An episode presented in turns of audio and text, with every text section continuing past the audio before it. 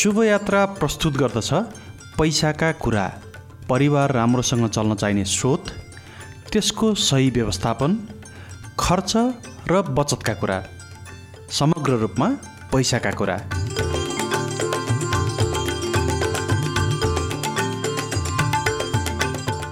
नमस्कार म मधु आचार्य।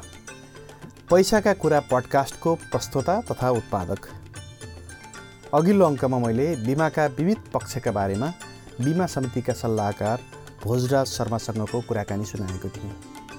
यो अङ्कमा एकजना सङ्घर्षरत लोकगीतका सङ्गीतकार तथा अरेन्जर तारानाथ आचार्यसँगको पैसाका कुरा लिएर आएको छु। नमस्कार म तारानाथ आचार्य बागलुङ जिल्ला बागलुङ नगरपालिका वार्ड नम्बर बाह्र अमलाचौरको बासिन्दा दुई हजार अन्ठाउन्न सालमा पोखरा झरेको। साङ्गीतिक फिल्डमा काम गरिरहेको अहिले म्युजिक एरेन्जर गायक शब्दकार रचनाकार अब म्युजिसियन सबै जे भने नि हुन्छ। एकदम खुसी लाग्यो तपाईँसँग भेट्दाखेरि चाहिँ। हजुरले पनि ठ्याक्कै आचार्य भन्न भन्न साथ मैले भेट्दा बित्तिकै यो कहाँ हो घर र गोत्र के हो? भन्ने चाहिँ एकदमै उत्सुकता जाग्छ क्या सोध्न आचार्य भन्न बित्तिकै। त गर्ग गोत्रका आचार्यहरू पनि हुन्छन्। तर कौडन्य गोत्र त एउटै त हो नि। तारानाथजी र मेरो थर गोत्र र जन्मथलो मिल्ने भए पनि मैले उहाँलाई हालसालै मात्र पहिलोपटक पोखरामा भेटेको हुँ।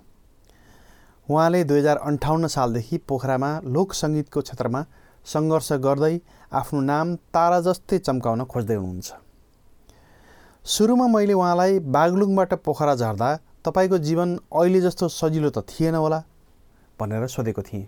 म दुई हजार रुपियाँ लिएर अठाउन्न सालमा पोखरा आएको मैले बिहा गरिसकेको थिएँ होइन? बिहा गरिसकेको थिएँ। त्योभन्दा अगाडि चाहिँ एउटा चाहिँ सानसानो बाटो जीवन जिउने बाटो पाइएको थियो। अब म दमौलीमा एउटा शान्तिवर्ष बोर्डिङ स्कुलमा मेरो सनुबा चाहिँ त्यहाँको सियर होल्डर भएको नाताले मलाई चाहिँ एउटा ल न केही उपाय गरिदिनु पऱ्यो भनेर आमाको चाहिँ रिक्वेस्टले गर्दाखेरि सानोबाले त्यहाँ चाहिँ ल एकाउन्टेन्ट अब शिक्षक गर्छ भनेर उन्नाइस सयको जाहेरी खाना छप्पन्न सालमा गएको थिएँ। छप्पन्न सन्ताउन्न दुई वर्ष चाहिँ बसियो मजाले। अन्ठाउन्नको सुरुवातमा यो देशभरि त्यो बेला द्वन्द थियो। द्वन्द हुँदाखेरि बोर्डिङ स्कुलहरू बन्द गर्ने भनेर चाहिँ युद्ध गर्नेहरूले ल बोर्डिङ स्कुल बन्द गर्ने नेपालभरिका भन्ने पाटोमा अब अन्त चाहिँ सकेन नि। दमौली तनहुमा चाहिँ बन्दै भयो। बन्द भएपछि म चाहिँ बेरोजगार भएँ टोटल्ली। भर्खर जेठमा बिहा गरेको थियो।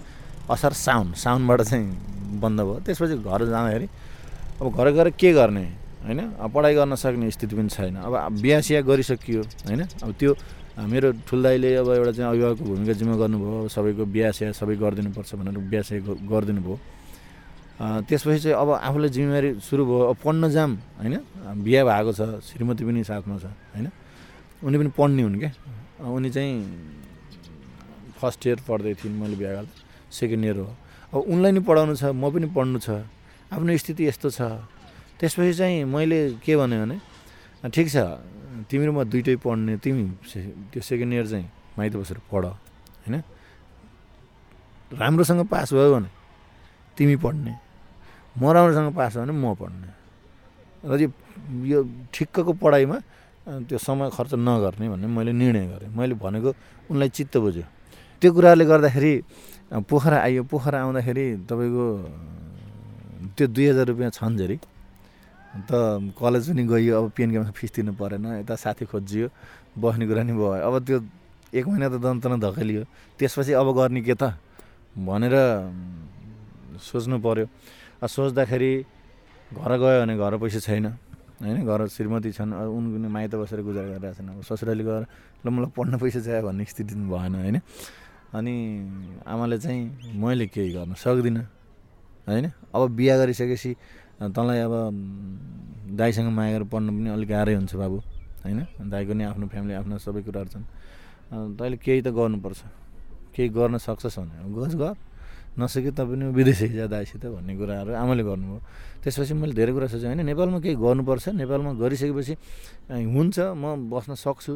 मसँग आत्मविश्वास छ भने एउटा त्यहाँ आत्मविश्वास लिएर पिएन क्याम्पसको एउटा गेटमा चाहिँ एउटा चाहिँ जबको चाहिँ मैले एप्लिकेसन देखेँ। त्यो एप्लिकेसनमा पोस्ट बक्समा नम्बर वान बायोडाटा पठा भनेर बायोडाटा पठाइसकेपछि त्यहाँबाट चाहिँ मलाई फोन आयो। फेरि फोन चाहिँ अब त्यो जमानाको कस्तो थियो भने एउटा बगर बस्थ्यौँ हामी उता पारी किराना पसलमा फोन आउँथ्यो। अनि ल तेरो फोन आएछ एक घन्टापछि आउँछ भन्ने हिसाब कसको फोन आएछ भनेर दङबाट जाँदाखेरि सृजना बोर्डिङ स्कुलको प्रिन्सिपल सरले फोन गर्नुभएको रहेछ। तपाईँको एप्लिकेसन यहाँ आएर छ। तपाईँ एकचोटि यहाँ भेट्न आउनुहोस्। हामीलाई चाहिँ एउटा अकाउन्टेन्ट चाहिएको छ भन्ने कुरा गर्नुभयो। अनि म चाहिँ त्यहाँ खुसी हुँदै गएँ। जाँदाखेरि त्यो एउटा ठ्याक्कै समय मिल्यो। मलाई अन्तर्वार्ता लिने मेरो सर भनौँ न उहाँ चाहिँ बागलुङ बस्नुभएको रहेछ केही समय। टिचिङ गरेर उहाँले चाहिँ मेरो कुराहरू सुन्दाखेरि मलाई चित्त बुझ्यो। अरू सबैलाई छोडेर मलाई सेलेक्सन गर्नुभयो म परेँ त्यसरी चाहिँ त्यहाँबाट थोरै जागिर एउटा चाहिँ आधार भयो। त्यहाँबाट चाहिँ आधार हुँदाखेरि अब त्यो तिन हजारको जागिरले सुरु गरे हो। त्यहाँबाट बिस्तारै बिस्तारै बिस्तारै बिस्तारै अब यता सिक्ने क्रम लगानी लगानी गर्ने चिजमा लगानी गर्ने क्रम हुँदा हुँदा हुँदा हुँदा तपाईँको चाहिँ म्युजिक सेक्टरको मान्छेहरूसँग भेट भयो। अब दोहोरी गीत प्रतियोगिताहरूमा चाहिँ गीत गायन गऱ्यो त्यहाँबाट थोत्रै आउने भयो।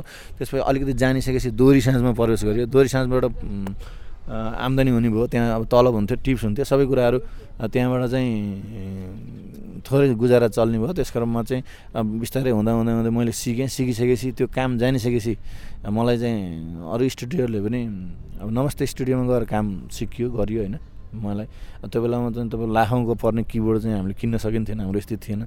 त्यहाँबाट त्यहाँ सिक्ने एउटा मौका पाइयो। त्यो सिक्दा सिक्दा सिक्दा सफ्टवेयर प्रयोग गरेँ एउटा जनतामा कम्प्युटर ल्याइयो। कम्प्युटर ल्याइसकेपछि सानो एउटा किबोर्ड किनेर अनि घरमा चाहिँ काम गर्नु लाग्यो। घरमा काम गर्दा गर्दै अब चौ भयो। मैले दुई हजार सत्तरी सत्तरी एकात्तरतिर होला उत्कृष्ट म्युजिक एरेन्जर भनेर चाहिँ मैले एउटा अवार्ड पाएँ। त्यो अवार्ड पाइसकेपछि धेरै सजिलो भयो। त्यो अवार्डले चाहिँ अहिले जिन्दगी परिवार उथलपुथलै भयो नि भनौँ। अब त्यहाँ मफसलमा रहेर पनि राष्ट्रिय स्तरको अवार्ड पाउने भनेपछि त्यो अनुसारको सपोर्ट आयो।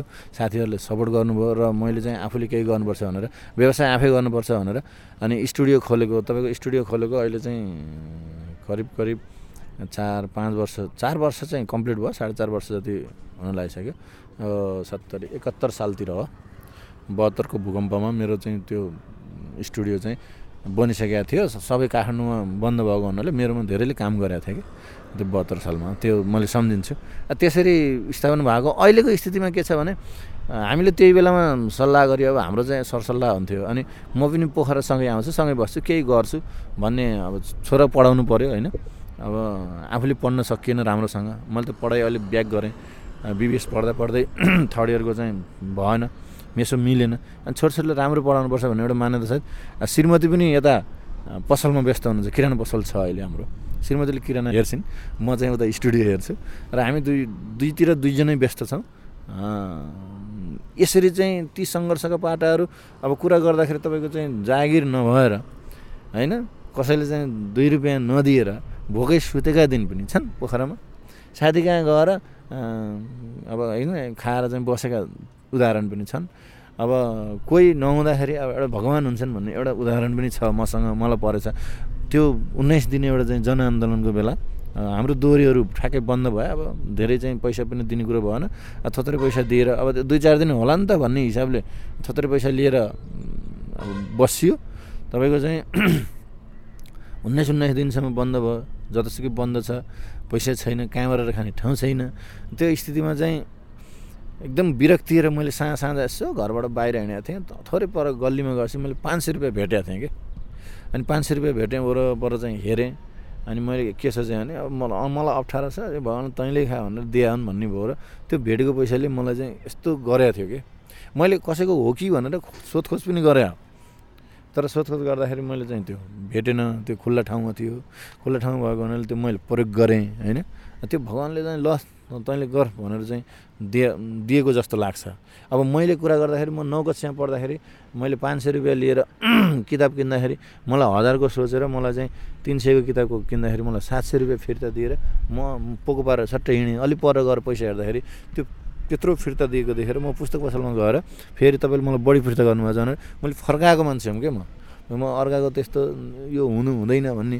त्यो बेलामा चाहिँ मलाई त्यस्तो पऱ्यो एउटा भेटियो होइन त्यो एकदमै स्मरणीय छ कि। यो के गर्नु हो त्यो पैसा चाहिँ? त्यो पैसा अब चलाइयो। अब फ्यामिली थियो सर अब नडाँडिकन भन्दाखेरि होइन फ्यामिली थियो। सोधखोज गरेँ। कसैको हो भनेर सोधखोज गरेँ कोही भेटिएन। नभेटिएपछि अब त्यो पैसा चलाइयो। पैसोको कुरो गर्दा तारानाथका अभावका कथा यो आधा घन्टाको कार्यक्रममा अड्दैनन्। उहाँले मलाई अन्ठाउन्न साल अघि बागलुङमा र त्यसपछिका दिनका बारेमा पोखरा फेवातालको किनारमा बसेर सबै बताउनु भएको थियो। फेरि उहाँकै कुरा सुनौ। सानोमा म पैसाको अभावमा हुर्केको। पैसाको यति अभाव यति अभाव भयो कि म सात वर्षको हुँदाखेरि बुवा बित्नुमा आएको थियो। पाँच भाइ बहिना छोरछोरी मेरो मम्मीको भनौँ न। त्योमध्ये चाहिँ ठुल्दिदीको बिहा भएको थियो। त्यसपछि सबै बाँकी थिए। ती परिवारसहित कारुणिक कथा बोकेकी चेली मेरो आमा जसले चाहिँ हामी सात वर्षको मेरो दाई दस वर्षको माइल दाई होइन ठुल दाई सत्र अठार वर्षको हुने बेलामा मेरो बुवाले छोडेर जानुभएको। त्यो बेलामा चाहिँ आर्थिक स्थिति दयनीय थियो बुवालाई क्यान्सर भएको हुनाले त्यो बेलामा क्यान्सरको पत्ता लागेन होइन। त्यो भएको पैसा त त्यहाँ अलिअलि बुवाले कमाएको त्यो सबै उपचारार्थ सकियो। त्यसपछि चाहिँ यति अभावमा चाहिँ गुज्रियो कि पैसा के हो भन्ने कुरा त्यो त्यो अवस्थामा चिनियो। त्यो दस रुपियाँ ऋण माग्दा नि नपताउने स्थिति थियो। त्यो अभावमा हुर्केको हो। त्यो भएको हुनाले अहिलेलाई अहिले चाहिँ मैले के सोध्छु भने यो चिज यस्तो रहेछ। त्यो बेलामा हामीलाई अभाव भएको थियो। र यो त्यो प्रमुख कुरा अब पैसा पनि प्रमुख कुरा त थिएन। त्यहाँ रिलेसन यता सबै थिए। तर त्यो बेलाको चाहिँ एकदम प्रमुख तत्त्व भनेको त हामीलाई त पैसै थियो कि? हामी चाहिँ एउटा गरिब परिवारको मान्छेहरू हामीसँग पर्याप्त जमिन थिएन खेतबारी थिएन। हामीले त्यो स्थितिमा अर्मपर्म गरेर चलाउनु पर्थ्यो। म सानैदेखि म छ कक्षा सात कक्षा पढ्ने बेलाबाट मेलामा हिँड्ने जेला मजदुरी गर्ने गर्थेँ। त्यो हिसाबले चाहिँ त्यो बेलाबाट पैसाको अभावमा हुर्केको हुनाले पैसालाई चाहिँ राम्रोसँग नजिकैबाट चिन्छु कि मैले। जस्तो त्यो पैसाको अभावमा हुर्केको मान्छेले चाहिँ पैसालाई चिन्ने भनेको के मलाई उदाहरण दिनुहोस् न। लगभग चौवालिस सालतिर होला बुवा बित्नुमा आएको चालिस पैँतालिसतिर। त्यसपछि हामी हामी चाहिँ वास्तवमा भन्दाखेरि मेरो परिवार भारतको आसाममा चाहिँ गाई पालेर बस्ने परिवार हो। केही जम्मा भएको बेलामा भारतमा बसेर कमाएको चाहिँ त्यो उपचारको बुवालाई उपचारको सिलसिलामा खर्च भयो हामी सानै थियौँ। त्यहाँबाट उपचार अब त्यो भइसकेपछि त्यो बुवा उहीँ बित्नुभयो उहाँ बितिसकेपछि आमा नेपाल आउनुभयो। नेपाल आउँदाखेरि स्थिति कस्तो थियो भने नेपालमा जति पैतृक सम्पत्ति अलिकति चाहिँ थियो नि तिन चार महिना खान पुग्ने जति सम्पत्ति थियो त्यो जग्गा जमिन त्यो गुम्यो। त्यो गुमिसकेपछि नेपालमा आउँदाखेरि त रित्तै भइयो होइन? त्यो रित्तै हुँदाखेरि अब हाम्रो चाहिँ मेरो ठुल दाई अब भनौँ न सत्र अठार वर्षको उमेरमा विदेशिनु पऱ्यो अनि माइल दाई पनि पढ्न पढाइको वञ्चित हुनुभयो। उहाँ पनि विदेशिनु पऱ्यो अर्को विकल्पै रहेन। अब म चाहिँ अलिक सानो भएको हुनाले मैले चाहिँ पढ्ने एउटा मौका पाएँ। अब आमाको कान्छो छोरो भएको हुनाले धेरै दुःख गरेर आमाले चाहिँ पढाउनु भयो होइन? मम्मीले पढाउनु भयो। त्यो हिसाबमा ती दुःखहरू अब हाम्रो वास्तविक कुरा गर्दाखेरि तपाईँको एक महिना नै खान पुग्दैन त्यो गाउँको त्यो त्यो जति छ नि। त्यो भनेको हाम्रो बुवाको मावलीले भान्जालाई चाहिँ ल नुहाइ खानु भनेर एक दिनको मेलो ल एक दिनको मेलो नुहाइ खानु भनेर दिएको जति छ त्यही चिज अहिले चाहिँ हाम्रो जग्गा रहेको छ कि? त्यति चिजमा कति उब्जनी हुन्छ के खाने के लाउने होइन? ठुल्दै चाहिँ बेलैमा भारत जानुभयो अब उहाँले पनि आफूले पढ्न नपाएको र भाइलाई पढाउनु पर्छ भन्ने एउटा चाहिँ सपोर्ट भयो र मैले एउटा पढ्ने मौका पाएँ म सानो थिएँ। मम्मी पनि सत्तरीमा चाहिँ बित्नुभयो। मम्मी पनि हुनुहुन्न अहिले। त्यो बेलामा त्यसरी हुर्काउनु भएको आमाले ती दुःखका अब त्यहाँ अन्त दुःख के हुने हो र? त्यहाँबाट नेपाल आएपछि आफ्नो घर चाहिँ एउटा सानो झुपडी थियो घरले छाएको। होइन? त्यो पनि अब मान्छेलाई बस्न छोडेको मान्छेले चाहिँ अब नटाल्ने त्यो च्याउ उम्रनी झ्याउ उम्रनी घाँस उम्रनी भएको थियो। त्यस्तो स्थितिमा एउटा सानो घर मात्रै थियो झन् एउटा चाहिँ सानो थियो। त्यहाँ आएको बेलुका के खाने भोलि के खाने स्थिति थियो। त्यो स्थितिमा हुर्केको हुनाले ती दुःखका दिन अब त्यहाँ दुःख त सायद हुन त अझै पनि कति छन् कति छन् होइन? त्यो पनि एउटा पाटो हो। त्यहाँ हुर्केको हुनाले मलाई चाहिँ त्यो हिसाबले जति चाहिँ मेरी आमा महान हुनुहुन्छ वास्तवमा संसारमा अरू कोही छैन जस्तो लाग्छ कि? जस्तो तपाईँको परिवारमा ओहो मेरो सबै अभाव भोग्दाखेरि चाहिँ मेरो पनि एकदम जिम्मेवारी रहेछ। जिम्मेवारी छ भन्ने महसुस चाहिँ कति बेला भयो? अब यस्तो म चाहिँ भनौँ न अब स्कुले जीवनमा हुर्कियो। स्कुले जीवनमा पनि अब सबै साथीहरू खाजा खान मध्यान्तिमा खाजा खान जान्थे। मसँग पैसा हुन्थेन। मेरो घर स्कुलको अलिक नजिकै थियो। म घर गएर चाहिँ बिहानको जे रहेको छ त्यही खाएर हिँड्थेँ क्या। त्यो बेलामा चाहिँ त्यो नौ दसमा पढ्दाखेरि बाट हो मलाई चाहिँ त्यो अनुभव भएको। म मैले चाहिँ अब हामीलाई त के भयो भने आमासँग गएर आमा पैसा दिनु न भन्ने। अब आमाले कहाँबाट दिने त भए पो दिने हो नि। अनि हामी आमासँग रिसाइन्थ्यो कि? होइन? हामी आमासँग रिसाइन्थ्यो अनि हामीले चाहिँ त्यो मतलब गरिएन। अब क्याम्पस पढ्ने बेलासम्म पनि पैसा ल्याउनुहोस् भन्दै गइयो। होइन? पैसा छैन भन्नुहुन्थ्यो न छैन भन्दा भन्दै पनि अलिकति अब दिइहाल्नुहुन्थ्यो। सानो छँदा हुर्कायो नि पछ्यौरीले बेरी। दिन रात बिछामा तिम्रो फोटो हेरी। सधैँ देख्छु सपनीमा चाडबाड मात्रै आएको। आमा तिम्रो हात समार मामा घर गएको।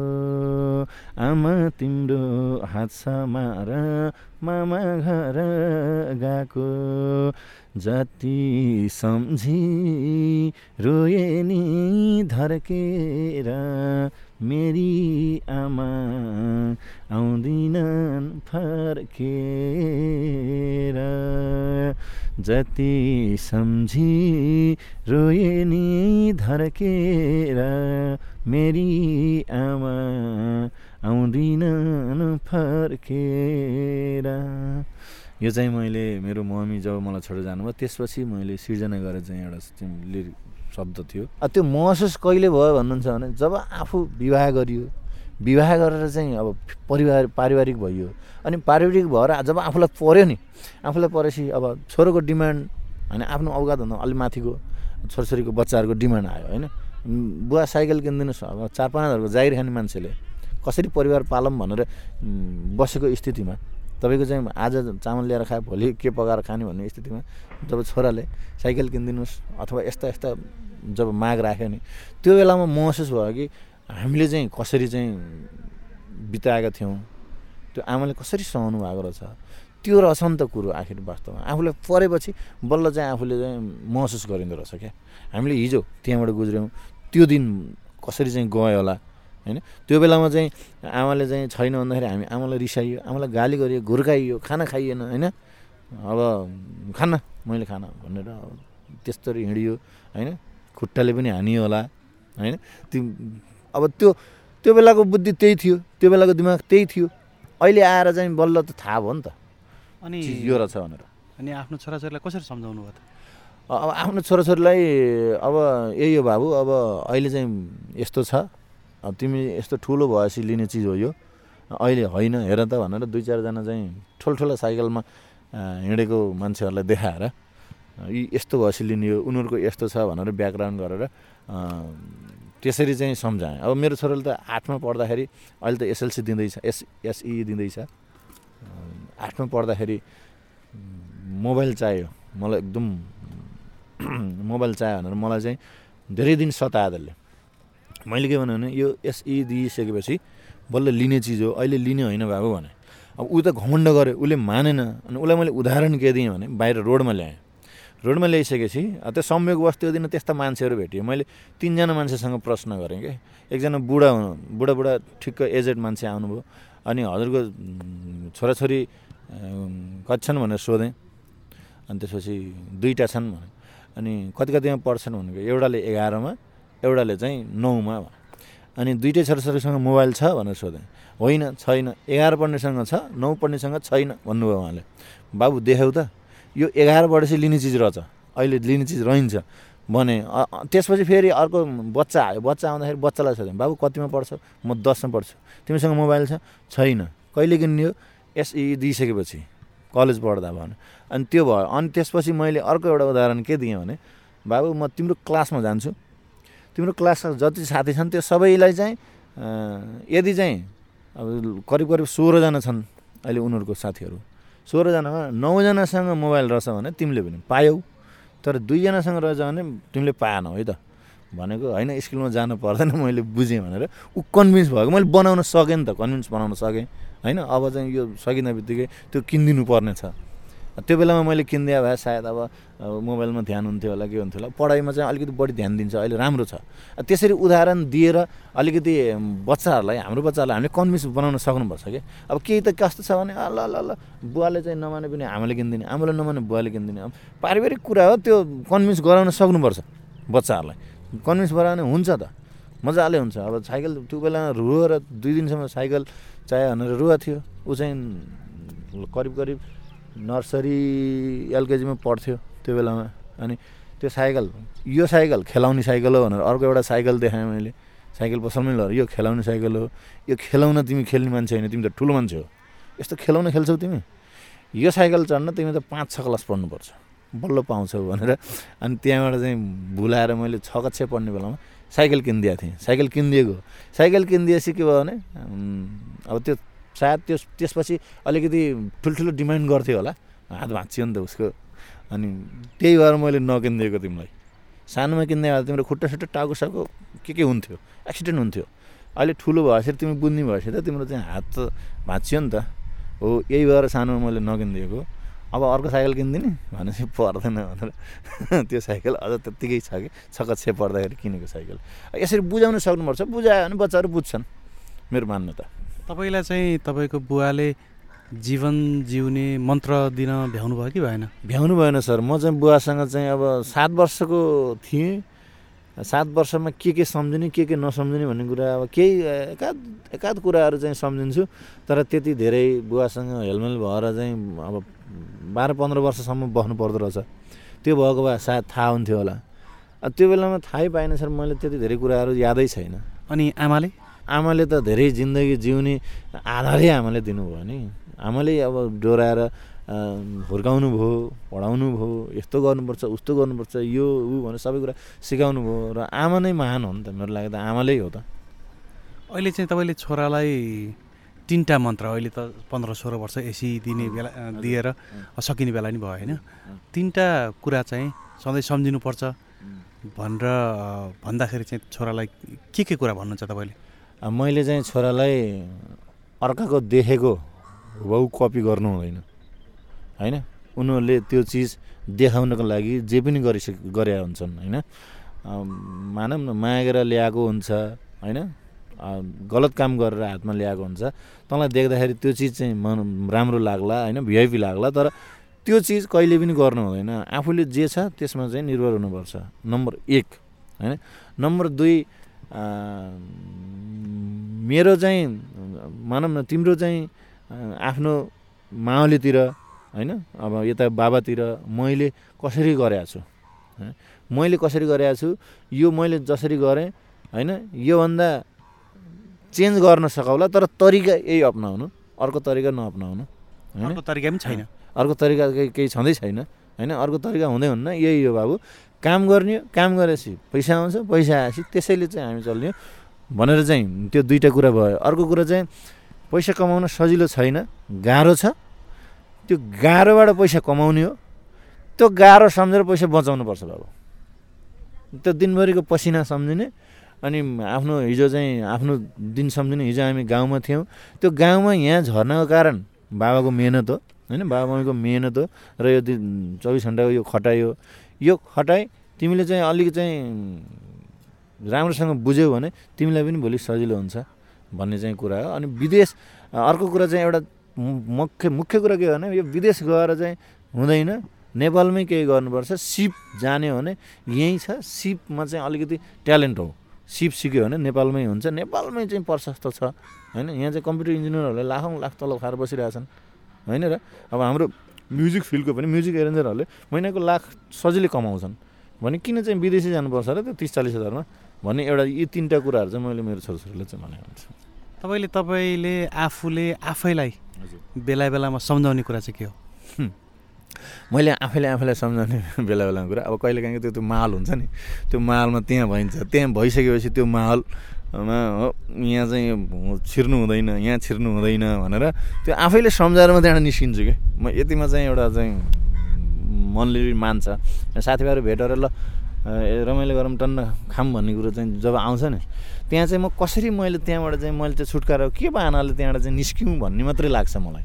र मैले मैले त्यहाँनिर मैले आफूलाई सम्झाउँछु कि उनीहरूको जस्तो मेरो छैन होइन? मेरो त्यहाँ पुग्दैन त्यहाँ गएपछि होइन?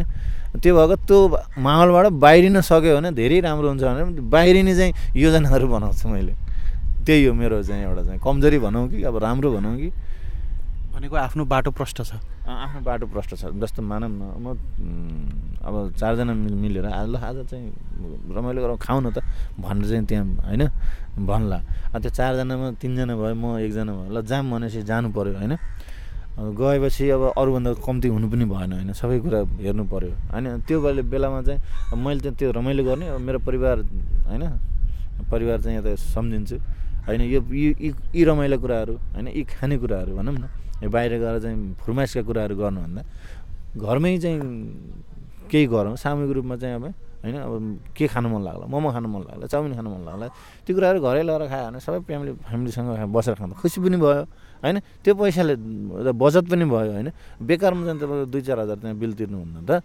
होइन? चार पाँच सयको चाहिँ हामीले चाहिँ सामान किनेर घर चाहिँ बना बनाएर खाँदाखेरि घर केटकेटी पनि खुसी हुन्छन् आज यो भेराइटी खान पाइयो भनेर खुसी हुन्छ। म घरमा पनि अलिकति टाइम रह्यो भने घरमा त्यो दिन्छु क्या। अनि किचनमा आफै बसेर पकाएर यस्तो भेराइटी भनेपछि कहिलेकाहीँ बाबाले पकाउनु भयो भने होइन मुख फेरिन्छ भन्ने चाहिँ स्टाइलले अलिकति स्वादिष्ट ती चिजहरू घरमा दिन्छु। अनि छोरछोरीहरू खुसी हुन्छन्। कहिले पकाउनुहुन्छ बाबाले भने कुरेर बस्छन्। अब शनिबार भनौँ होइन। यस्तो अब दिन पर्दाखेरि ठ्याक्क चाहिँ बाबाले पकाउनु भयो भने त्यो जस्तोसुकै होस् क्या। अब चाहिँ मिठो होला नहोला मानौँ न। उनीहरूलाई चाहिँ त्यो हेराइमा आज बाबाले पकाउनु भएको छ यसै मिठो छ भन्ने त्यो त्यसै हुन्छ क्या। त्यो भएको हुनाले यसरी चाहिँ म यी कुराहरूबाट पहिल्यै बाहिर हुन्छु। साथीहरू लोभी त भन्दैनन्। लोभी भन्छन् नि यो बाहुन कति लोभी हो यो यस्तो गर्नुपर्छ भनेर तर्क्यो भन्छन्। तर म तर्किने बाहनाहरू चाहिँ एकदमै ठिकै हुन्छ नि। अब मेरो त यो काम छ आज यो काम नबुझाइ हुन्न जान त हुन्थ्यो। अब तपाईँसँग जान त नहुने होइन तपाईँको कस्तो मन लाग्थ्यो तपाईँसँग जान? अब हेर्नु त यो काम भयो भनेर अब काम पनि भइरहन्छन् फेरि सानो मसिनाहरू। अनि त्यसले गर्दाखेरि सकभर अब तर्किने भनौँ न। त्यो कुरामा त्यहाँ गएपछि अब त्यो खाइएला खाँदा खाँदै मादक पदार्थ खाइएला मादक पदार्थ खाँदाखेरि अब भनौँ न खान्न भन्यो भने सोच पल्टेको बाहुन पल्टेको भन्छन् अब त्यो खाइदिनुपर्छ। त्यो खाएर चाहिँ मैले दोहोरी साँझमा लिएका अनुभवहरू हुन् कि भनेको। दोहोरी साँझमा चाहिँ तँ भनेर यहाँ आउने अनि चाहिँ के अरे हामीले चाहिँ यसरी खाछौँ। एक प्याक हामीसँग नखाने भन्ने कुरा अनि सर मलाई सन्चो छैन मैले खाना हुन्। र हामीलाई त के यसले चाहिँ हामीलाई चाहिँ असर गर्दैन। हामीलाई नि त असर गर्छ। अनि हामीलाई चाहिँ खुवाउने आफूहरू चाहिँ नखाने। भने त्यस्तो कर पारी अब होइन त्यसरी चाहिँ अब खाइन्थ्यो भनौँ न। होइन ढाँट्ने कुरै छैन। त्यो कुराहरू हिजो बिहोरिसकेपछि अब अहिले तिनै महाततका साथीहरू भेटिन्छन् है आजल त दोहोरीमा पनि हुँदैन। ल न यसरी यसरी भेटौँ यता भेटौँ उता भेटौँ भन्ने कुराहरू हुन्छ। अनि है म त सर अहिले त यस्तो छु यस्तो हो अलिकति साँझ निस्किन अलिक गाह्रो हुन्छ घर चाहिँ भित्र पसिसकेपछि गाह्रो हुन्छ भन्ने त्यो कुराहरूले चाहिँ गरेर अब सकभर त्यो बाटोमा टच नभएपछि आनन्द हुन्छ होइन। एका दुई त्यस्ता केसहरू परेका छन् त्यो भएको हुनाले अब त्यहाँ गएपछि झगडा होला के होला होइन रिस उठ्ला। त्यो चिजै त्यस्तो हो होइन? त्यहाँ जाँदै नगएपछि आनन्दै हुन्छ। फेवातालको डेलमा बसेर तारानाथ आचार्यका जीवन भोगाई सिकाइ र उहाँको पैसासँगको सङ्गतका बारेमा मैले धेरै सुन्ने मौका पाएँ। तपाईँलाई पनि सुनाउने मौका पाएँ। उहाँको कथा परिश्रम गर्ने जोसुकैले पनि महसुस गर्न सक्छन्। तपाईँले चाहिँ सुन्दा सुन्दै के सोच्नुभएको नि तपाईँको पनि यस्तै कथा छ कि? हामीलाई सुनाउने मन छ कि? पैसाका कुराको आजको कार्यक्रम सकियो। अर्को पैसाका कुरा पडकास्टमा एउटा पूर्व प्राथमिक विद्यालयकी प्रधानाध्यापिका सबनम थापा सुब्बासँगको कुराकानी ल्याउने छु। बच्चाहरूलाई सानैदेखि पैसाका बारेमा किन सिकाउन जरुरी छ भन्ने विषयमा उहाँसँग प्रकाश लामिछानेले कुरा गर्नुभएको छ। पैसाका कुरा सेयरकास्ट इनिसिएटिभ नेपालले उत्पादन एवं वितरण गर्छ। सेयरकास्टका बारेमा सेयरकास्ट डट ओआरजी डट एनपीमा पढ्न पाइन्छ। अन्त्यसम्म सुनिसकेपछि तपाईँलाई यो कार्यक्रम मन पर्यो भने अरूलाई पनि सुन्न भन्न या सोसल मिडियामा सेयर गर्न सक्नुहुन्छ। पैसाका कुरा पडकास्ट फुर्सद निकालेर नियमित सुन्न सब्सक्राइब पनि गर्न सकिन्छ। यो पडकास्ट शुभयात्रा हाम्रो पात्रो र नेपाली पडकास्ट मोबाइल एपबाट र आइट्युन्समा पैसाका कुरा नेपालीमा सर्च गरेर सुन्न सकिन्छ। हस्त आजलाई उत्पादन सहकर्मी प्रकाश लामिछाने र भूमिराज चापाकाईसँगै म प्रस्तोता तथा उत्पादक मधु आचार्यलाई पनि बिदा दिनुहोस्। नमस्कार अब हामी अर्को कार्यक्रममा भेटौँला।